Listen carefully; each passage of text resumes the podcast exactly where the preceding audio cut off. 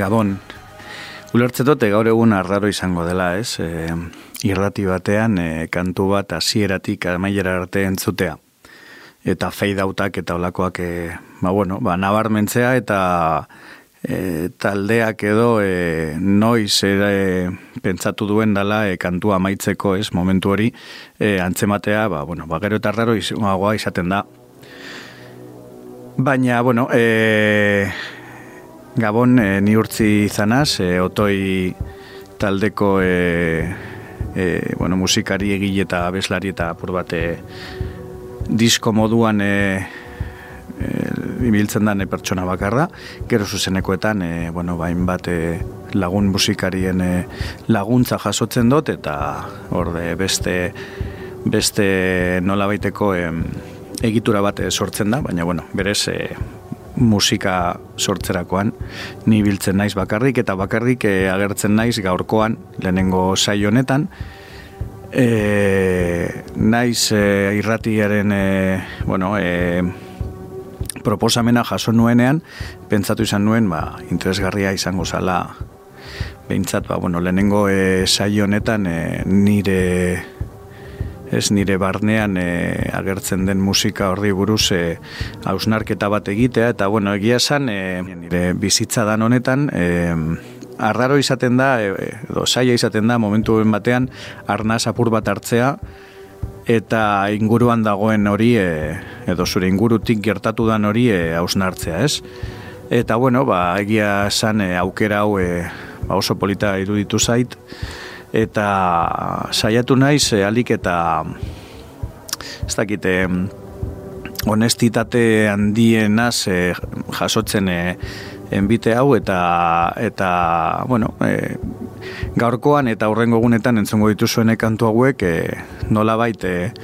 ez bakarrik otoi basik eta urtziren, ez, apur bat e, garapen e, musikal eta soinuaren inguruko e, ulermen horren e, e, ba, ulermen bat e, e, izateko, ez, e, balio izango da bela, e, uste dut. E, lehenengo kantu hau entzun duguna, YouTube taldearen mofo taldua, e, kantua da. Ez da kanturik ezagunena eta ez da e, irratietan gehien entzungo dozuen e, kantuetako bat, baina bueno, ez dakit, e, niretzat e, udos edo YouTube edo ez dakitzen e, e, ahoskatu, ez naiz hain ingelaran eos hain trebea, baina, bueno, beti izan dau nolabiteko tipifikazio hori ez, e, rock de estadio e, taldea zala. Ta, bueno, YouTube azkenian, e, bueno, punk edo punk e, puntu bat zaukan talde bat zan, eta laro geiko amarkadan e, punk horretatik, e, post-punk puntu batera, eta post-punk talde batet, e, puntu batetik e, rock edo estadio rock eta blues e, haren inguruko asnarketa batera aldu ziren, Joshua Tree diskoa medio zela, baina egia da baita beraientzat e, handia egia geratu zela e, irudi hori eta saiatu zirela e, laro gehi tamarreko amarkadean e, musikari esentzu artistikoago bat emoten. Esan leike, azkenean, bueno, ba, e, fan moduan e, jaso nuen lehenengo taldea zela motivazioak eta soinuak apur bate ulertzen saiatu nintzen be, Eta bueno, e, urteekin eta egia da, ba, bueno, ja, e, desapegatuta nagoela, ez, e, talde honekin, baina egia da ere, e, laro, gita marreko amarkadako e, irudiskoekin, e, ez dakit, e, gogora etortzen zaizkidanean, e, oso e, sentimendu e, beroa e, jasotzen dudala eta naiz eta egiaz e, diskorik sintetikoenak izan, ez? E, orde, momentu horretar arte roka zen medio eta e, izango genuke instrumentazio klasikoena, ez, bateria, basua, e, gitarra eta bueno, eta teklatu batzuk eta botxak batez be, eta bueno, eta bai hartun baby, bai zuropa eta bai e, mofo kantu honen e, pop diskonetan elektronika industriala eta bueno, eta azkenean ba nere identidadean egeratu diren hainbat errekurtso e, agertzen ziren, ez? Gustatzen zait normalean e, ez dakit zer gaitik, e, taldetatik, e, talde guztietatik, e, kanturik arraroenak aipatzea. Ze hor, uste dute dagoela benetazko e, genialidadea eta benetazko asolagabekeri horrek ematen dizun, e, ez dakite, presio eza eta presio ez horrek ematen dizun, e, edo kartzen dizun freskura, ez? Niretzako, bai, aipatzeko diskoa, pop, Eta bueno, e, hau izango litzateke niretzako apur bate, azikera punturik e, logikoena. Eta orain e, igaroko gara nahi baduzue e, urrengo talde bueno, e, aipagarri honetara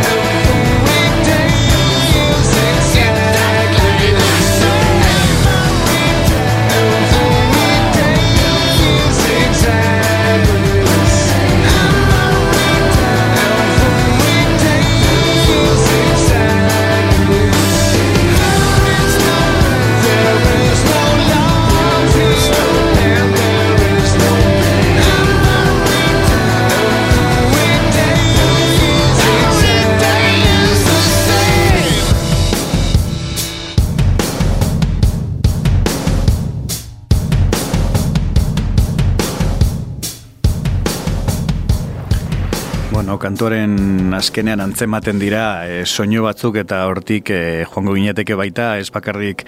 Every Day is Exactly the Same, e, Nanny Snailsen e, kantu bueno, triste, polit eta ez, eta aldi berean e, ez dakite melankoliko, ez, e, hau, e, With Teeth e, disko, menetzako paregabea dan e, disko industrial rock edo ez dakitzelan e, deitu jakon, baina diskonen e, piezarik e, garrantzitzunetariko bat. Beti pentsatu izan dugu edo beti e, e, uste izan da, ez, e, musika industrialak izan behar duen zatartasun hori dala e, estiloaren e, erakusle edo e, bueno, e, ezaugarri bakarra, ez? Eta, bueno, nik uste dut, e, musikala industriala berez, edo industrial kontzeptu horrek dakarren azkenian dela e, soinuarekiko baino e, kantuek e, trasladatzen duten e, sentimen horren e, isladapen bat. Azkenian, bueno, bizi izan gara e, aro postindustrial batean, Euskal Herrian, e, industriak eukindaben e, garrantzi horrek baita eraman gaituela beti e, olako e, talde eta edo estiloetara e, ez dakite lotura, ez, ertsi bat e, izatera, bai metal estiloetan, e, bai industrialean, bai hip-hopean eta bai e, punk estilotan, ez? Eta azkenian, bueno, ba, ez da inbeste soinua edo e, zer e, instrumentu edo sarata motora biltzen ere, baizik eta e, musika estilo hauek e, ematen digun mezu horrekin e, bat egiten dugula, ez? Azkenian, e, bueno, Nine Inch Nails taldeak beti e, ikutu izan ditu e, bai barneko eta bai kanpoko hainbeste e, sentimendu ba, bueno, ba, errepikapenaren eta rutinaren e, pisua, ez, izladatzen ditu, azkenean, e, uste dute, musikan eta artisten munduan edo artistan, ez dakite, sentsazio hori beti bizan, bizizan dugun, e, ez dakite, talka bat izan da, ez, e, kanpotik sartzen zaigun e, bizitza normatibo hori eta geoke ez bakarrik artistek edo e, izakiak, e, izaki guztiok e, daukagun, e, ez dakite, rebelde kutsu edo puntu hori e, ateratzeko e, nahi, e, nahi zutsu hori, ez, e, apur bat ateratzea. Ezkenean, bueno, e, uste dut, e, eta benetan pentsatzen dute nik entzuten dudan e, musika horretan estilos e, gainetik eta e, ez dakite soinu aldetik edo e, horretaz aparte egongo dala e, gauza oso finko eta oso konkretu bat e, kantu guztietan agertuko dana. Eta da e, mesfidantza puntu hori ez e, gaur egun edo geure realitatean bizitzen dugun e, ingurarekiko e, azkenian, bueno, ba, bakoitzaren e, grinak emantentzeko nahi hori eta, bueno, eta ez da beldurra baina bai mesfidantza bai e, hori izango litzateke hitza eta malenkoliasuna ez? Azkenean e, tristura baino e, bueno, gauzak bestera batera egin daitezkela uste izate horrek, ez? Ekartzen digune e, sentimen gazi gozoa, eta bueno, eta horretan e, argi dago e, ba, Reznort e, sentimen horren e, ez dakit erakusle nagusi bat dala, ez? E, oso musikari inteligentea eta aldi berean, ba, bueno, ba, inbestetan e, adikziotan eta, bueno, eta berez e, norberaren e, puntu ilun hoietan, ez? E, ibili den e, pertsona, pertsona bat izan dela.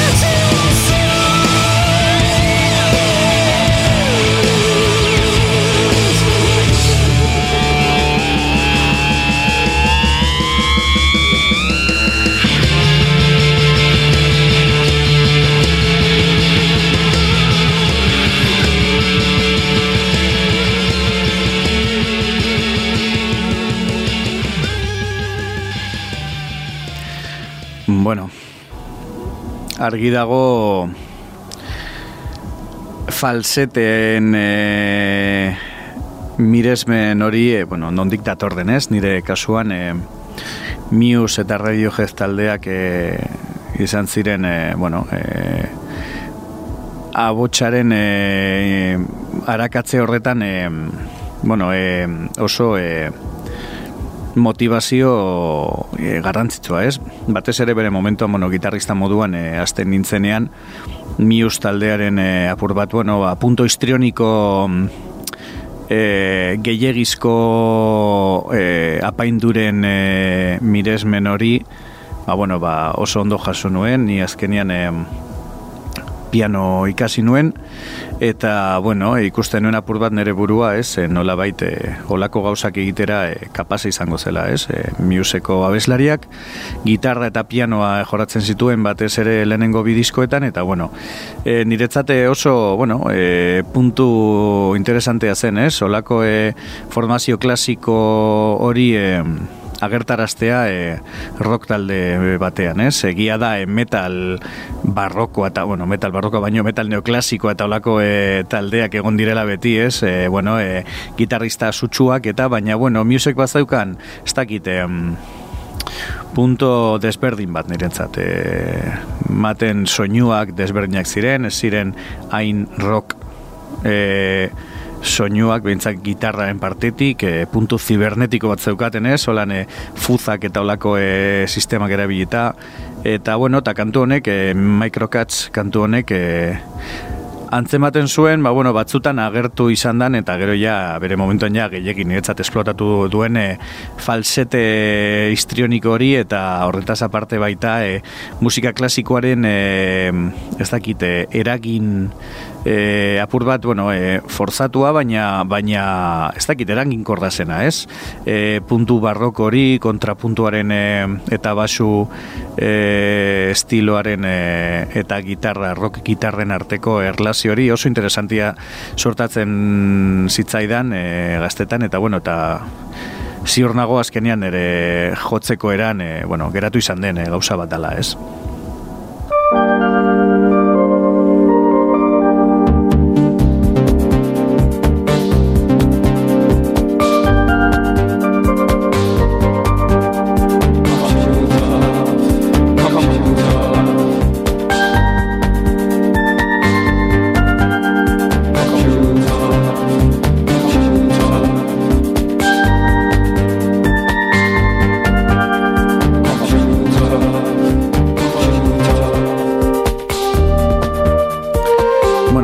Niretzako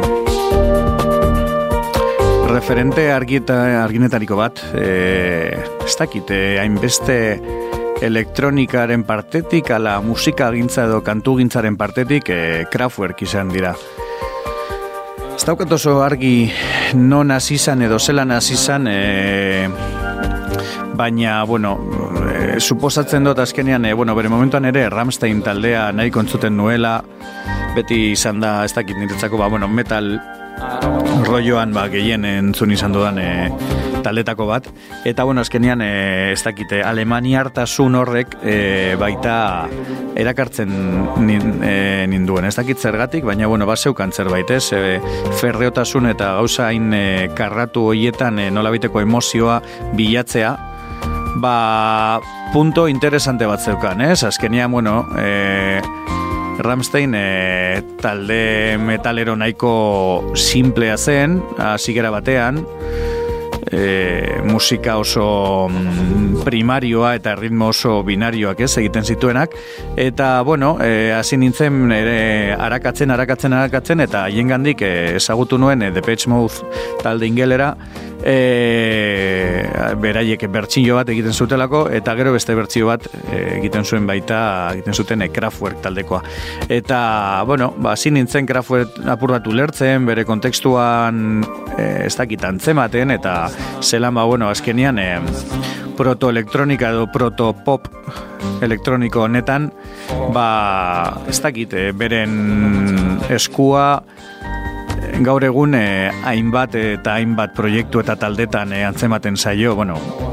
hain zuzen ere, melodia, Computer Love den kantu honen, e, melodia principala e, Coldplay, e, ez dut goratzen e,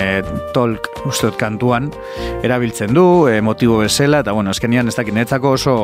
oso talde espeziala izan da Kraftwerk e, kostatu zitzaidan bere momentuan ulertzea baina ez dakit e,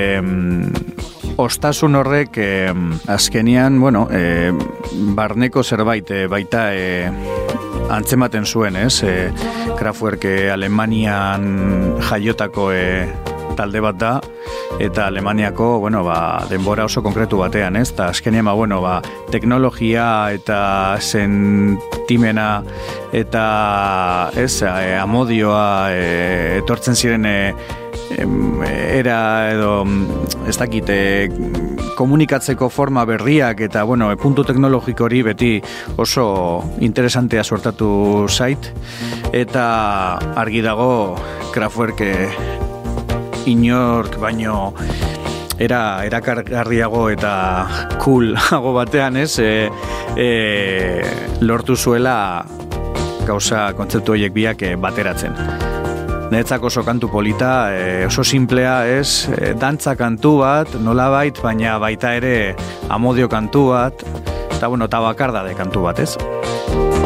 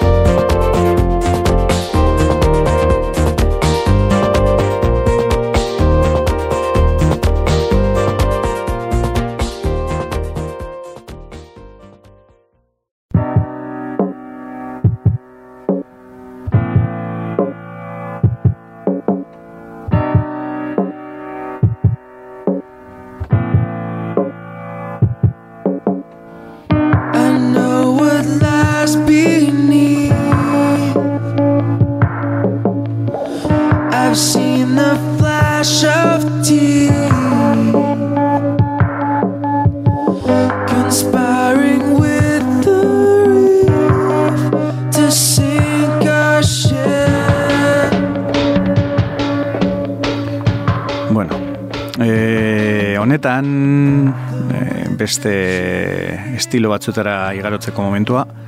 Uste dut dela, azkenian, bueno, e, izan leike askotan e, musika hasiera batean behintzat e, gauza propio bat izaten da, ez, zelan e, bie aurkitzen edo zelan bilatzen zaituen musika. Baina gero, bueno, ja nagusiago egiten zarenean, e, zure inguruko pertsonek baita oso garantzia handia hartzen dute eta pertsone horiek e, nere kasuan etraiz bezalako taldea ekarri zuten, beraiekin, e, traiz e, gogoratzen dute, bueno, bere momentuan e, Radio Jez ostean eldu zuen talde bat zala, eta bueno, diskonetan, behizu diskonetan, e, ba, talde hardcore prototipiko bat izatetik, e, talde, ez dakit, e, estilos kanpoko talde bate bilakatzera, ez? E, e, eraman ziren, e, orduan. E, txartos bat goratzen Xabi, ero, bueno, enkore taldeko kidea eta laguna izan eta baden. E, Xabi bere momentuan etalde honi buruz hitz egin e, zidan. Eta bueno, hitz egiten gara ondala milaka urte eta egia esan, ba, bueno, ba, hortik hasi ginen baita e, elkaru lertzen, e, ez dakit, e, nik e, jarkorean e, ez nintzen hain jantzia, bera, bueno, askinean e, e, emo punk edo ez dakitzelan e, deitzen, edo deitu aldan, e, talde bate zeukan, bere momentuan jada, eta bueno, ni apur bate metalean edo nola baiteko ez dakitolako estilotan enbilen gehiago, eta bueno, niretzako benetan e, ez dakite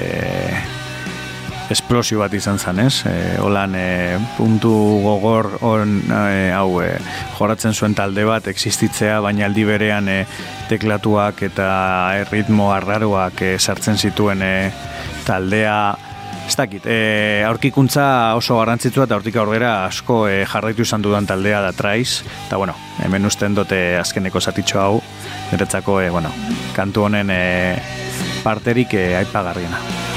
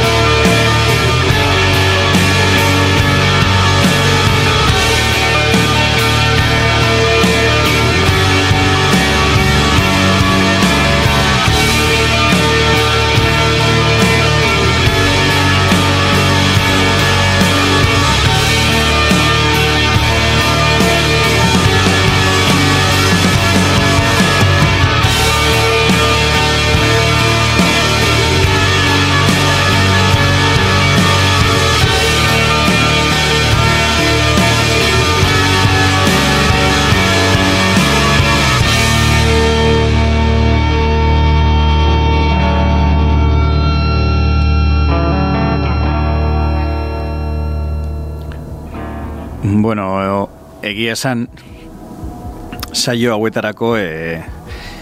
azterketa, analizi eta ausnarketa prozesu txiki bat e, jarraitu izan dut e, ba, bueno, e, aurkezten dituan kantu hauetan e, alik eta informazio e, bueno, mamitsuena, ez e, e, aurkezteko eta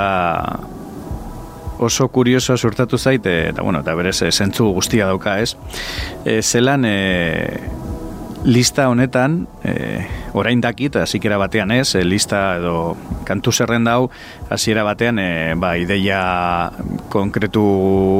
gabe prestatu nuen, baina orain e, apur bat e, ari naiz ikusten zelan e, zenbait eh, kantuen arteko erlazioa e, emoten ari den. Hasiera batean aipatzen duen e, YouTuberen e, pop disko horretan Alan Mulder eta Steve Osborne e, ekoizleak egon ziren ez, e, berez lan oso oso e, bueno, e, luzea eta eta gogorra izan zen eta bueno, eta horretan hainbeste agente egon ziren, ez? E, musika ekoizten, hasten, e, baseak programatzen eta eta kasualmente e, Alan Mulder e, izan dabe e, Nailsen e, Everything Every Day is exactly the same kantu horretan e, ekoizpen e, arloetan e, ibili izan dana eta Steve Osborne e, orain entzun dugun e, Red Sky kantu honen e, disko guztiaren ekoizpenlaria. E, horretaz aparte, Placebo, New Order, e, uste dut, e,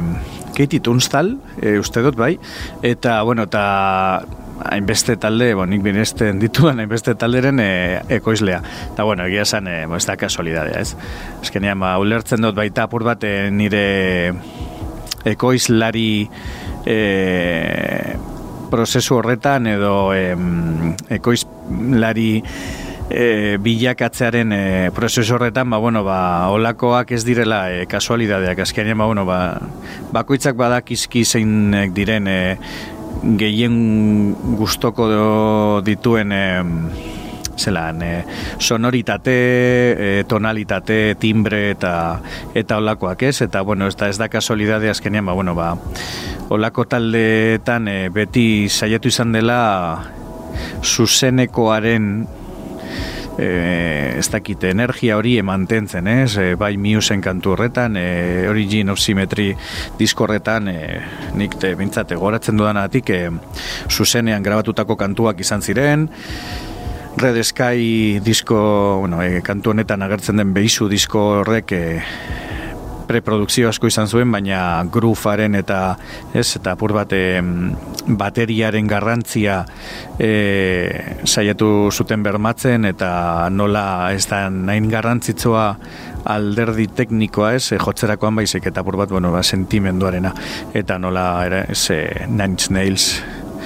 horretan baitan bai zuzan dira, ez? E, bai teknologia, bai sentimenda bateratzen.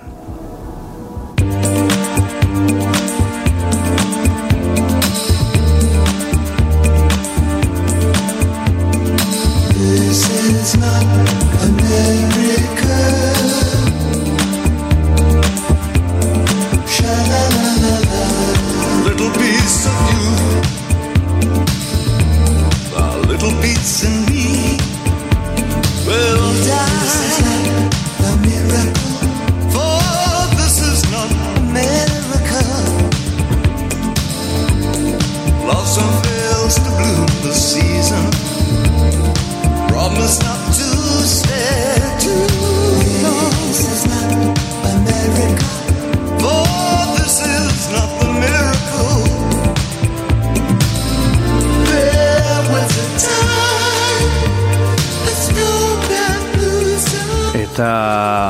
musika europarrearekin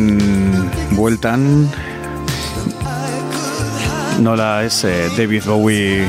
maizuari aipamena egin behar zaio. Nik behintzat, eh, bueno, eh, txikitatik edo gaztetatik ez, MP3 diskoak eta lakoak eh, sortzen nituela eh, beti agertzen zen. Ez naiz oso salea eh, aitortu behar dut, eh, disko osoak entzutera. Badaude disko asko eh, satika entzun dituanak bakarrik ne, David Bowienak, baina bueno, hau e, bere momentuan emule eta olakoetan e, normala izaten zen, ez, e, jartzea norbaiten e, izena eta bueno, eta agertzen ziren kantuak entzutea. Eta bapur bat nahi gabe izan zen e, aurkitu nuen, egia esan. Eta kuriosoa da zelan, e, azkenian momentu guztian e, olako kantuetan agertzen dan e, sentimendu bera, ez? E, mesfidantza, e, negazioa, eta bueno, eta bat baita esperantza, ez? Eta kasu honetan, bueno, kantu hau e, bere momentu arraro batean e, sortu zen, e, kontzeptu arraro batekin, e, filme batentzako zan, kantua, eta ba, kasu honetan Paz Metzeni e, jazz musikariaren e, taldearekin sortutako kantu hau, Ba, bueno, nahiko espeziala da, ez? E, tekno kutsu bat dauka eta netzako e, David Bowieren e, esanguratsua.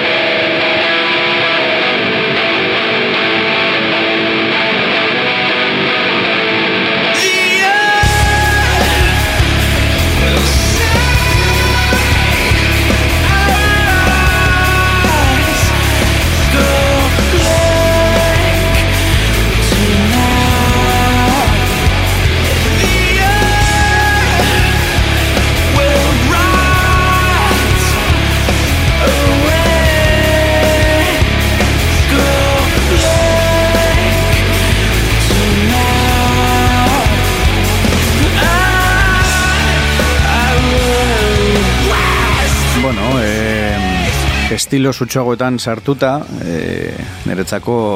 beste talde garrantzitsu garrantzitsu bat Deftones izan da hasieratik. E, egia da niretzat e, zinemak eta musikak beti izan duela konexio oso ertxia eta bueno, eta gustatzen zaidan e, zinemak normalean e, musika interesgarria e, izaten du. Eta, bueno, bere momentuan e, Deftones e, Matrix e, filmearen lehenengo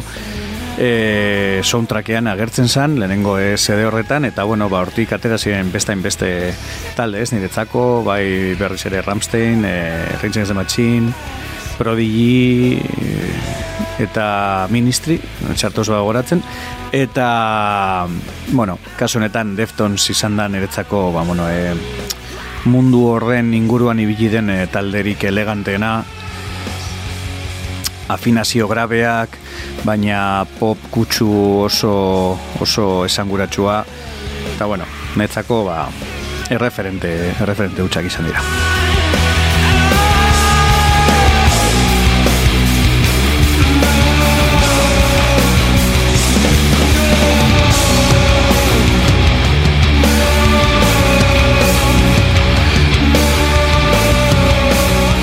Nola ez, e, berriz ere e, konexioak ez, honetan e, Saturday Night Wrist disko honen, e, bueno, kantua Kim Dracula ditzen da,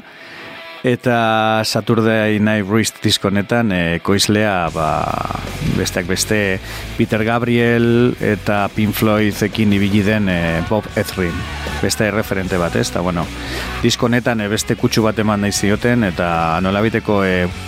progresibotasun eta ez dakite errefinamendu puntu bat, ez, lortu zuten.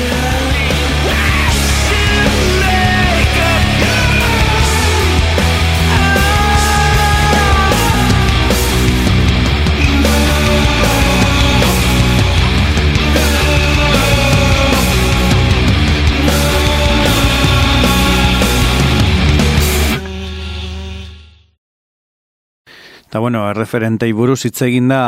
eh, heldu da momentu apur bat eh, erdira bueltatzeko, ez? Eh, Euskal Herrira eta nola ez eh, niretzat eh, rockaren inguruan eta rock punk hardcore eh, estiloien inguruan eh, referente nagusi eta ez bakarra, baina egia zen eh, handiena, ez? Eh, sortatu izan dan eh, talde nafarra eh, ez dauka bueno, bere izena ezagutzen duzue, hortaz ordoa ez nahi zaldatuko.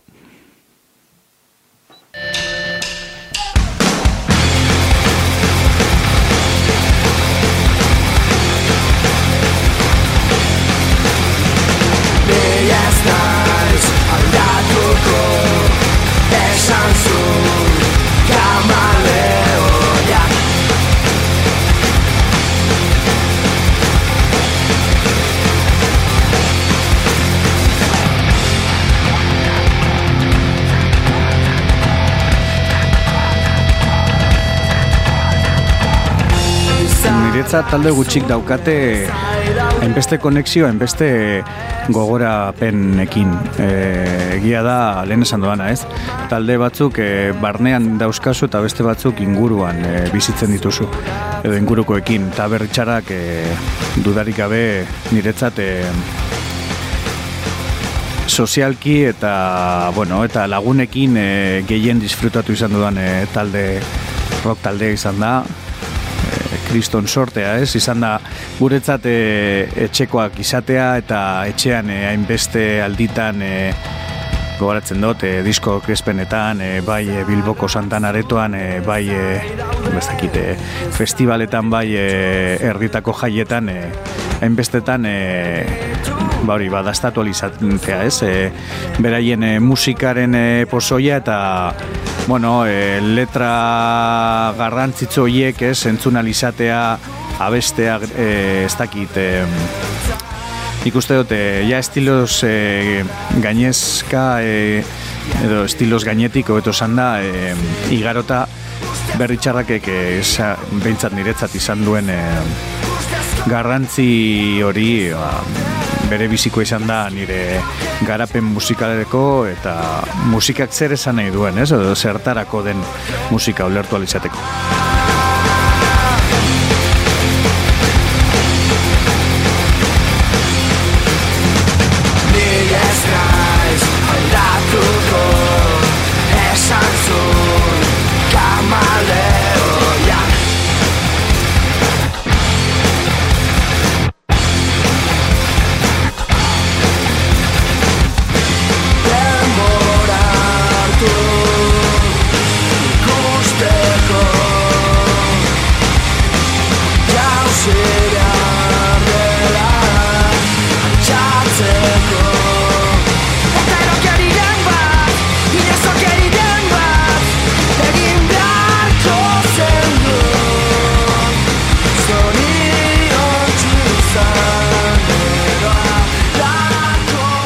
Zoriontzu izan edo alako zeo zer. Egia da,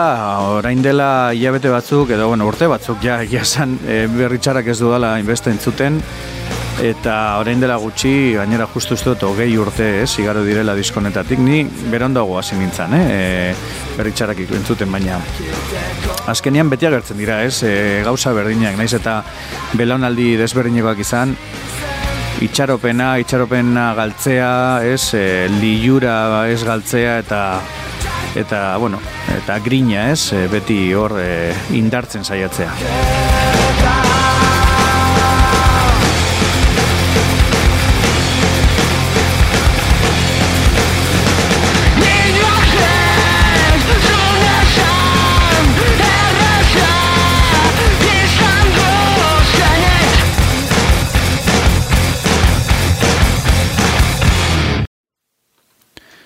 Eta, bueno, are urbilago, e, de, joaten banaiz, edo tortzen banaiz, edo esan da ez, are gehiago urbiltzen banaiz, e, bueno, nire e, garapen musikalean e, dudarik gabe ba, garrantzi oso handia eta esanguratasun e, oso, oso bizia izan duen e, taldea e, tokatzen zait orkestea kantu hau egia esan e, niretzat oso oso oso oso, oso vamos, e, kriston temazo bat izan zen eta kantu hau entzuterakoan esan nien ez, bere momentuan e, ba, naiz eta ez elkarez ezagutu ia ba, beraiekin teknikari moduan e, hasi nahi nuela, ez, e, lan egiten, e, taldeak zerbait zeukalako eta nik horren e, inguruan e, ibili nahi nintzelako. Булька.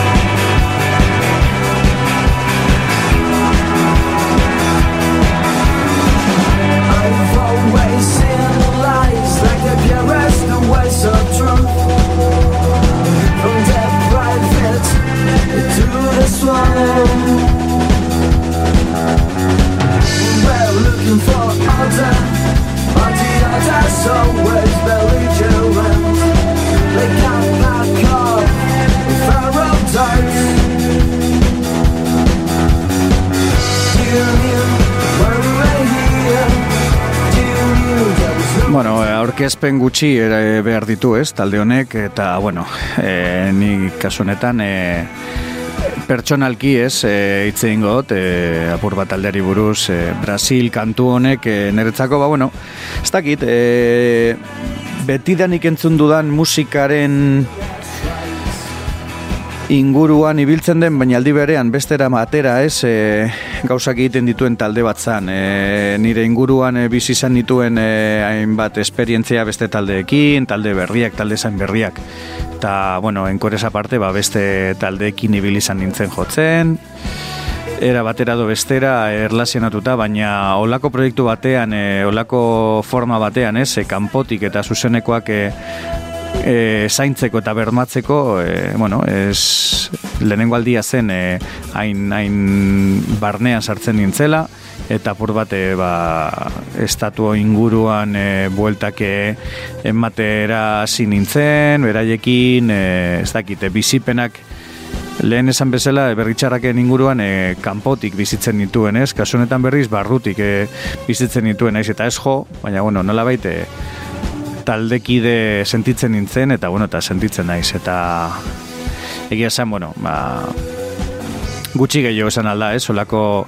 egoera bat emoten danean, da, erain natural batean e, dana e, suertatzen danean, ba, gozada bat egia esan. Eta, bueno, hortik e, baita zizen gero e, jangitz, e, nirekin jotzen, e, pare bat kontzertu, otoi bi bezala, datorren astean edo urrengoan uste dut e, izango digula bere bere hitza, baina, bueno, momentu honekin geratzen gera.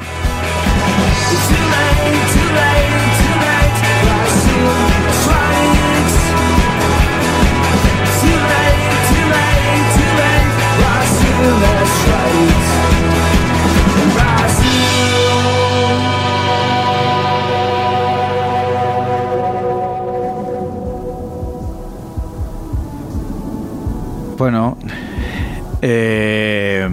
kasu honetan, e, Brasiletik, Bilboko Brasiletik, e, Ingalaterrara goaz, e, gaurko azken kantua entzutera.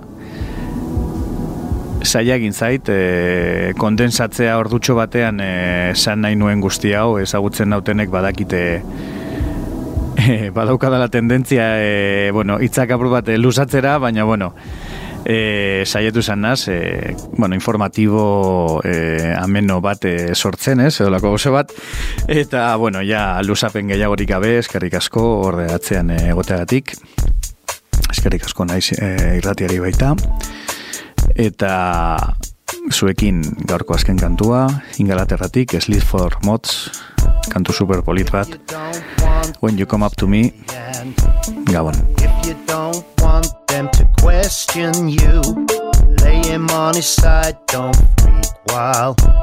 eyes roll back to bone and the mouth is blue. Maybe it's the way we feel, and I wanna love the sky and the universe, but that don't get the door round here, and it don't even come close to. If you don't want anyone to come through, I can understand it would be something you don't like when I brush up to you. If you don't want that feature, if it's not right, you can skip any beat, and you'd understand it would be something I don't like when you come up to me. Is in the fold of pleasure? Making it the point, cause you never let go. The sun is nailed hard to the weather. It rips up the cars and the homes and the roads. No triple, just inboard reg, yeah. And people don't know what it is to be living off the dins and stink, yeah dripping off the puke in the rolled Dead Sea.